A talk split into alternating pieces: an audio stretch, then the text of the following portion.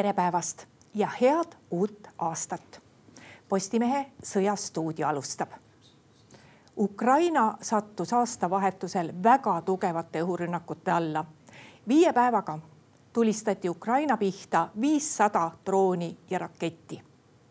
meil on stuudios vaatleja Raivo Vare, tere päevast. tere päevast ja head uut aastat no Ukraina president on öelnud, et selliste raketirünnakute alla ei ole saatnud, sattunud mitte ükski riik, mitte ükski riik ei ole pidanud seesuguseid raketirünnakuid tõrjuma, see oli päris hull. Oligi, sest selleks valmistuti ja koguti varusid ja Venemaa poolt vaadates oli see tahtlik tegu ja see on planeeritud tegu, mis tähendabki seda, et eh, eesmärk oligi võimalikult palju tekitada kahju. Eh, sellepärast, et kui korraga lastakse hästi suur hulk rakette välja, siis tõenäosus väheneb, et nad kõik suudetakse ükskõik kui hea õhutõrjega alla tuua, mida me ka nägime me nägime ka vastupidiseid äh, tulemusi, eelkõige Patriotiga ja Kiievis, aga samal ajal ju paljud teised kohad, kuhu ka tulistati rakette, ju kannatasid. ega me ei tea lõpuni, mis seal kõik juhtus. väidetavasti ka elulist infrastruktuuri rünnati, rääkimata sellest, et väga paljud on nagu ikka venelastel kombeks, kui pahaseks saavad, siis tahavad kohe terroriseerida tsiviilelanikkonda, mida nad siis ka tegid. massiliselt sai ka tsiviilisikuid surma. sellele vastuseks omakorda Ukraina ju tulistas ka Belgorodi, eks ole, nii et, nii et see sõjafaas on selliseks vihaseks ja mitte väga enam klassikaliseks sõjafaasiks teisenenud praegu, sest on tekkinud mingil määral rinnetel patiseis. Eh, no seda mitmed analüütikud arvasid, eh, kui oli näha, et Venemaa ei alustanud õhurünnakutega intensiivselt, nii nagu ta tegi seda aasta varem, siis ju arvati, et venelased koguvad rakette, korjavad, hoiavad kokku droone nad siiski ei alustanud päris aastavahetusel, et nad alustasid varem.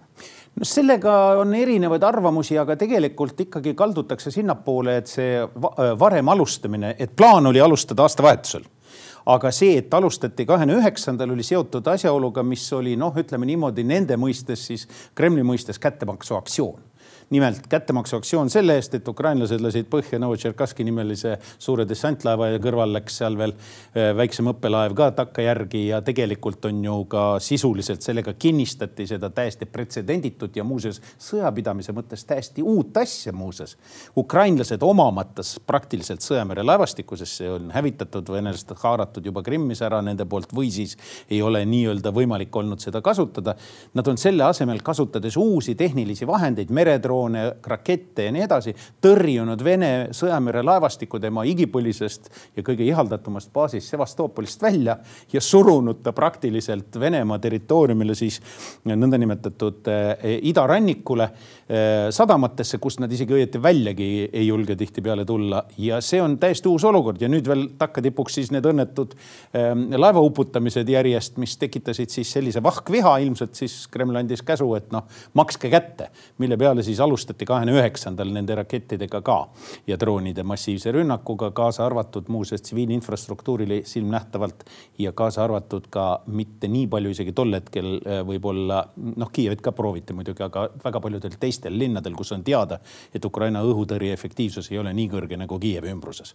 aga need, mis uuel aastal järgnesid rünnakud, need olid juba selgelt orienteeritud ka sellele, et teha võimalikult suurt kahju ka Kiievile ja nüüd viimane rünnak, mis äh, alles äsja on toimunud, kus kasutati kõigele muul lisaks rake erinevaid rakette, erinevaid raketitüüpe, kaasa arvatud radarivastast, sellega siis ka üritati hävitada õhutõrjevõimekust Ukrainal, kuid kasutati kinžallrakette ja korraga kümmet. Ja nüüd, kui presidendi ütlusele lisada ka ülemjuhataja ütlus ehk siis äh, kindral Zalužni ütlus, et kunagi ei ole sellist rünnakut toimunud, kus kümme ülehelikiirulist äh, raketti Kinžal korraga on välja lastud ja kõik Kiievi pihta. ja nad kõik võeti patriootide poolt maha. aga see on veelkordne tõestus, kuivõrd hädavajalik on Ukrainale õhutõrjevõimekuse kasvatamine ja selleks vajaliku lääne abi osutamine, see on lääne relvastus, mis täna suudab äh, Vene ründed äh, piisavalt efektiivselt alla tõrjuda. Needsamad šahheedid, mis tegelikult ju nüüd jagunevad kaheks, osa on neist Iraanist tangitud väidetavasti muuseas ka sadamates hävitati laevadel osa šahheedidest mis Iraanist tulid ja teiseks on šahheedi tüüpi, mida nad ise nimetavadki ranniks, siis on eh, Vene enda kokku pandud, eh, juba hakkasid tulema Kasani tehasest eh, droonid. Nende vastu on ju ka kõige tõhusamaks relvaks osutunud Sergeid ehk siis vanad õhutõrjekahurid, kahekümne kolme millimeetrised nõukogudeaegsed ja veel paremaks relvaks on gepardid, mis tulevad kust? Saksamaalt nii et noh, ütleme niimoodi, et venelased nüüd sellega tegelikult tegid endale minu meelest natukene isegi karuteene, sellepärast et see on niivõrd sümboolne ja jõhker akt et see tekitab täiendavat survet anda täiendavat relvastust ja abi Ukrainale ja aga noh, selle hind on paraku inimelud ja hävinud materiaalset väärtust. huvitav, kaua nad selliste õhurünnakutega veel suudavad Ukrainat hirmu all hoida? No vaadake, ega nad igapäevaselt ei saagi neid teha, igapäevaselt nad kasutavad eh, pigem siis noh, jah, võib-olla kõige rohkem neid droone enam-vähem igapäevaselt, aga rakettide kasutamiseks on neil vaja neid aeg-ajalt koguda. ehk siis vahe, vahed on vahel, aga see ei aita, sellepärast et selle hirmuõhkkonna ja selle surveõhkkonna loomiseks on sellest piisab, et kord kuus või kord kolme nädala tagant seda tehakse. Ja, ja see praegu tegelikult ju sisuliselt nii toimibki. Ja neil on ju rakette ka väga-väga-väga erinevaid, eks ole, neid samu Kinshalle, neid liiga palju ei ole, neid lennukikandjaid, kes neid Kinshalle suudavad kanda, neid MiG-31 ka liiga palju ei ole, mis tähendab seda, et tegelikult seal nad peavad väga timmima, palju neid kasutavad ja kuidas. Eriti kui nüüd kõik alla võetakse, eks ole, ukrainlaste poolt, aga teisi rakette on neil päris palju ja kõige hullem lugu on, te ei usu, aga kõige hullem lugu on muuseas üldsegi mitte õhu, õhk-maarakettidega või siis ballistiliste rakettidega, kus kogused on ikkagi mingil määral piiratud ja seal tuleb nii-öelda see piir vastu füüsiline mõne, mõne aja jooksul kõige suurem probleem on muuseas õhutõrjerakettidega ja laevavastaste rakettidega, nimelt sellepärast, et õhutõrjeraketid, needsamad S-300 kompleksid, mis ei suuda tegelikult piisavalt efektiivsed olla õhutõrjes, on väga efektiivsed maismaa eesmärkide äh, ründamises, sellepärast et seal on nende kiirused on nii suured, et neid on praktiliselt võimatu õhutõrjega vahelt võtta ja see teeb asja väga keeruliseks, eelkõige rindelähedasemas või Venemaa piiri ja territooriumi lähedasemas tsoonis, kus neid tulistatakse Venemaa territooriumilt Harkovisse näiteks, eks ole, Sumisse ja nii edasi. see on nüüd see koht, kus on nagu keeruline, keerukam. Ja laevavastased raketid on need, millega on rünnatud otse Krimmist laevavastase raketiga otse Ukraina rannikut, Odessat ja Bukovinat, nii et see on tegelikult noh, ütleme niimoodi, et näitab ka, kuidas sõjas toimuvad asendused et ühe funktsionaalsusega relvad osutuvad hoopiski palju efektiivsemaks mingitel põhjustel teistes funktsioonides. see on Ukraina poolel täpselt samuti, nii et, nii et me seda näeme igapäevaselt. Ja muidugi droonid, droonid, droonid, veel kord droonid, droonide sõda, see on esimene suur droonide sõda, kus mõlemal poolel on meeletutes kogustes droone, kus droonide funktsioon on muuseas sama, mis vanasti oli suurtükiväel ja reaktiivsuurtükiväel ja raketivägedel tõrjumaks vastase maismaarünnakuid ja mitte ainult luuret tegemaks, vaid tõrjumaks neid rünnakuid ja hävitamaks ka konkreetseid objekte.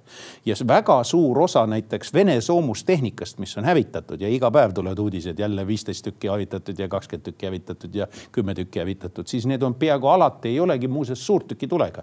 Need on valdavalt droonidega hävitatud muide just aasta algul Kreml tõi välja, kui tõhusalt on kasvanud nende kaitsetööstus, et kui palju nad toodavad äh, rasketehnikut, kui palju nad toodavad no, droone. kordades ja, rohkem nagu nüüd, aga mis see kord, millest? jah, aga mis, mis me siit, ühesõnaga on see tavaline selline propagandaakt või tegelikult ikkagi äh, lääs peab väga muretsema Vene kaitsetööstuse tõhustamise pärast?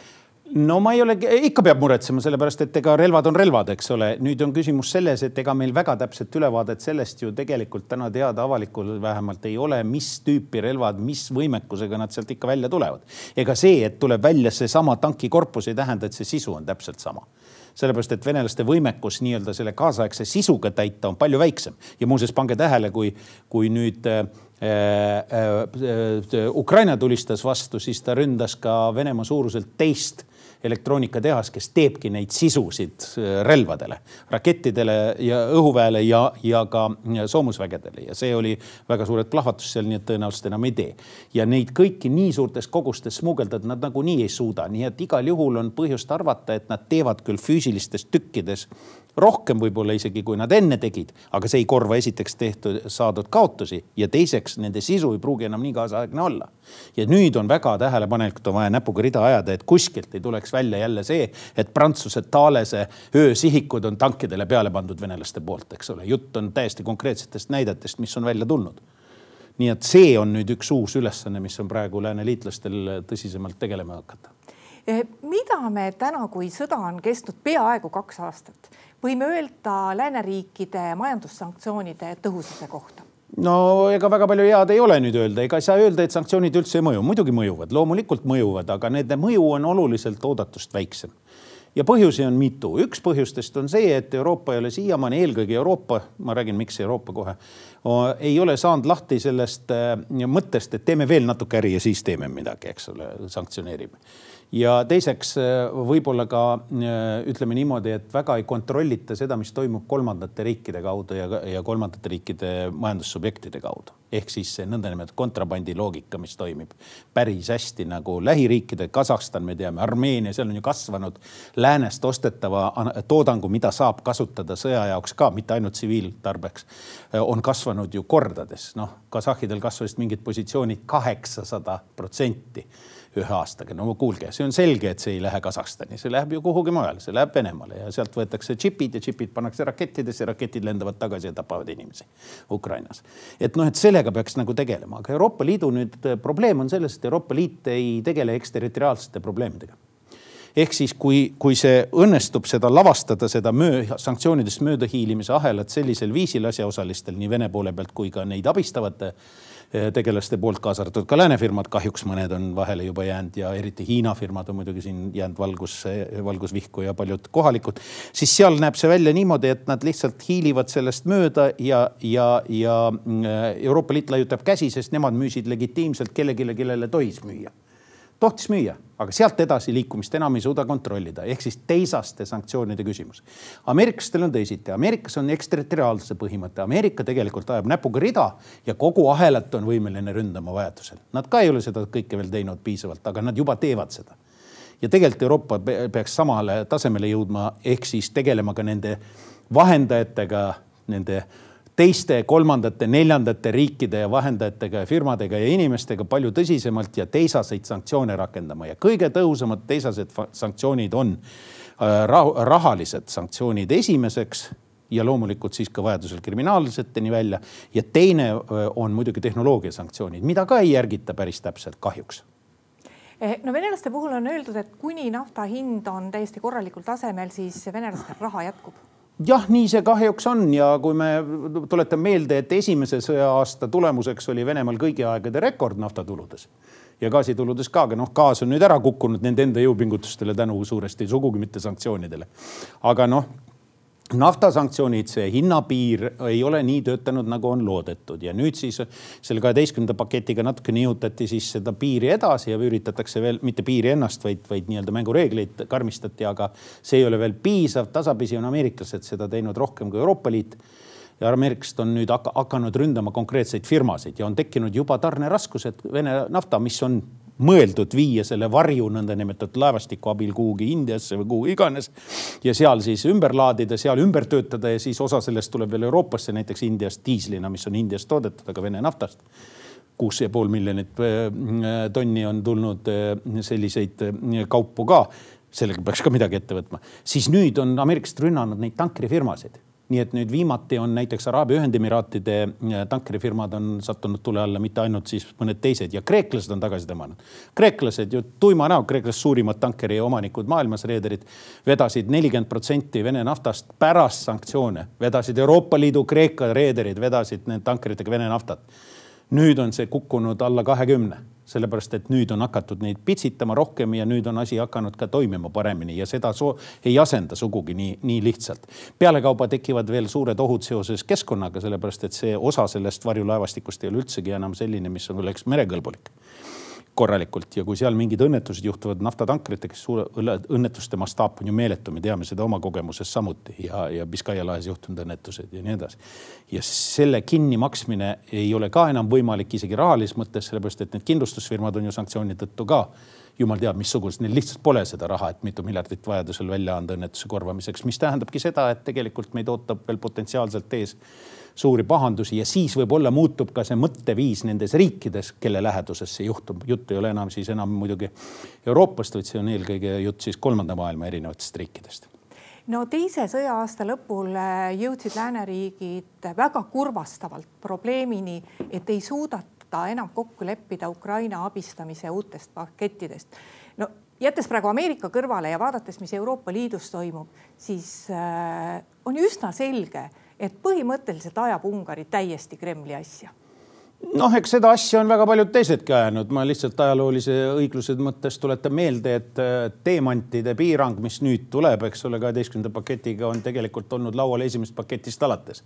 ja siiamaani ei ole seda juhtunud ja põhiline vastusseis on tulnud isegi mitte suurimalt teemantide ostjalt Indialt, sest Venemaa neljas ekspordiartikkel on teemandid, toorteemandid ja teemandid ja see on üheksakümmend neli protsenti neist tuleb Alrosast otse Kremli sõjataskusse. siis, siis, äh, siis oli Belgia lihtsalt ei ole kära teinud ja on vaikselt saboteerinud, eks ole. nüüd siis lõpuks jõuti selleni, et neid tehti mingid sanktsioonid. eks Orbaniga on ka natukene keerulisem kui keskmiselt, sellepärast et Orbanil tunduvad olevat ka, olgem ausad, Venemaaga ka teised ühised huvid, mitte ainult need, mida nagu pealispinnal nähakse tema nii-öelda Ungari nimel tehtavate avaldustega ja nende tõlgendustega Ungari kui riigi huvidest. ja see tekitab nüüd olukorra, kus, kus tegelikult ju nähakse ette, et Orban jätkab. ta ütles selle ise otse välja kui nüüd viimane kord Ukraina äh, Euroopa Liiduga liitumisläbirääkimiste alustamise kohta tehti otsus suure vaevaga läbi kõikide vaevade. pärast seda, kui hommikusöögil oli veel kolm tippu veennud teda, et, et mine kohvi jooma õigel hetkel, mida ta ka tegi, aga selle hinnaks oli kümme miljardit vabastatud rahasid, Euroopa abirahasid, mis olid tegelikult kinni peetud kolmekümne kahest miljardi sees. selle, sellepärast, mis on kõik kinni peetud praeguses demokraatia ja korruptsioon ja kõik põhjused, miks Ungarile neid rahasid ei ole, on külmutatud, neile ei ole eraldatud. ja siis nüüd kümme miljardit antigi niimoodi kohvitassi eest, et, et lastakse otsust teha. siis küsiti Orbani käest, noh, aga mis siis nüüd, siis annad järgi või? ta ei andnud ju.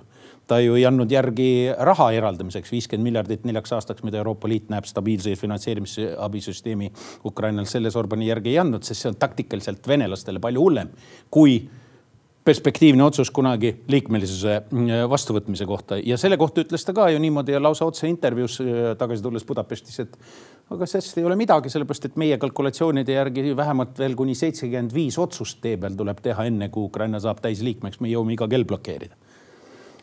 No kõik muidugi aasta algul äh, tahaks, tahaksid teada ja, ja, ja prognoosida ja saada head tulemust selle prognoosiga, et mis siis sõjast saab.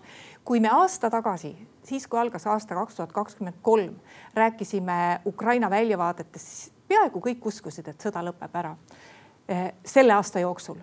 Eh, nüüd enam nii optimistlikud ei olda, sellepärast et igapäevaelu reaalsus on jõudnud ka kõigi prognoosijate teadvusesse. tõenäoliselt sõda aastal kaks tuhat kakskümmend neli ei lõpe jah, kahjuks on see nii. eelmine kord muneti aeg maha, üheksa kuud anti venelaste hingetõmbe aega, nad ehitas selle Surovikina liini ja võtsid nii-öelda kaitsepositsioonid sisse, mis tegelikult siit kaardi pealt on hästi näha. mõelge, see rinne on ju tegelikult selline, et siit siia, eks ole, ja siin ehitati kolmekordsed kaitseliinid, siin olid juba enne nad olemas, aga siin ehitati kolmekordsed kaitseliinid mille koos miiniväljadega ja venelased on väga head fortifikatsioonitöödes alati olnud ja see tegelikult takistas ju minekut äh,, Ukraina pealetungi läbiminekut tehnilises mõttes väga tugevalt. me sai, nägime ju seda suve hakul.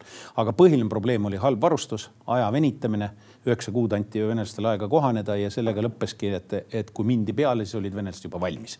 mitte ei kasutatud ära seda edu, mis oli möödunud aasta lõpus Harkovi ja Kiievi piirkondade äh, vabastamisoperatsioonide äh, seljas ja nüüd, mis nüüd edasi toimub, siis siin veel seda nii-öelda muret süvendab ka see, et ka praegu jätkub see, me teame, et praegu abid on kinni kui nad ka ükskord lahti saavad, ma ei kahtle, et nad ükskord lahti saavad, aga see võtab nii Ameerika oma kui ka, mis on eriti oluline sõjalises plaanis ja finantsilises plaanis võib-olla veel rohkem Euroopa oma, siis mingil kujul see asi lahendatakse nüüd mingisuguste skeemi mõeldakse välja. aga seda hakatakse alles veebruari alguses arutama, et Euroopa tippkohtumisel, eks ole, Ameerikas ka võib-olla alles veebruari alguseks saavad lahenduse, kui üldse, seoses presidendivalimistega ja siis ja sealse konkurentsiga ja siis selle tulemus on selline, et see kõik jõuab ju reaalselt lahinguväljale ukrainlaste kätte. alles kuskil poolest kevadest parimal juhul kõige enne, aga tegelikult alles vastu suve. ehk jälle munetakse see hea pealetungi aeg, mis on kevade lõpus, munetakse sisuliselt ära ja kaotatakse ära ja siis on väga keeruline seda arvata. pealekauba venelased ise tegelikult ja nüüd Ukraina on ka sellest aru saanud ja on teatanud ametlikult läbi presidendi suu, läbi ülemjuhataja suu, et tegelikult nad asuvad praegu kaitsele strateegilises mõttes hetkel. sest noh, lihtsalt jõudu minna peale ei ole, puhttehnilist jõudu abi viibimise tõttu ei ole ja, ja, ja see tähendab seda, et tegelikult ka venelastel see sobib, sest äh, Venemaa ehk Kremli taktika on väga või strateegia on õigemini väga selgelt suunatud sellele, et sügiseni jätkata kui õnnestub, siis peale tungida, kui ei õnnestu, mitte midagi ei juhtu. sellepärast, et nad loodavad, et äh, toimuvad äh, presidendivalimised Ameerika Ühendriikides, kus võidab Trump, keda nemad peavad endale sobivaks kandidaadiks, sellepärast et Trump on suure suuga lubanud, et päevapealt lõpetab Ukraina abistamise, mille peale president Zelenskõi on väga otsekohe öelnud ka Ameerikas olles ja ka hiljem korranud, et sellisel juhul meie kaotame aga mitte meie enam ainult Ukraina nagunii, vaid ka kõik teised, kogu lääs kaotab, sest sellega see asi siis ei piirdu, nii et, nii et tegelikult käib mäng selle peale, et sügiseni võivad asjad väga selgelt venida noh, siis tuleb juba Rasputitsa ja talv peale ja noh, siis võib see asi konserveeruda ikkagi. ja kui siis veel Trumpi faktor juurde tuleb, siis võibki tekkida olukord, kus tegelikult sõda läheb küll kahekümne viiendasse aastasse veel edasi, aga ta läheb juba lõpp, aasta lõpus madalama intensiivsusega. ja sealt edasi võib tulla mingisugune suhteliselt ebasobiv ja meile väga ebameeldiv äh, vaherahu loogika, nii et seda tegelikult kardetakse. aitäh, Raivo Vare tulemast saatesse. palun. ja aitäh ka kõigile neile, kes meid vaatasid Postimehe järgmine otsesaade on eetris juba homme. seniks lugege uudiseid postimees.ee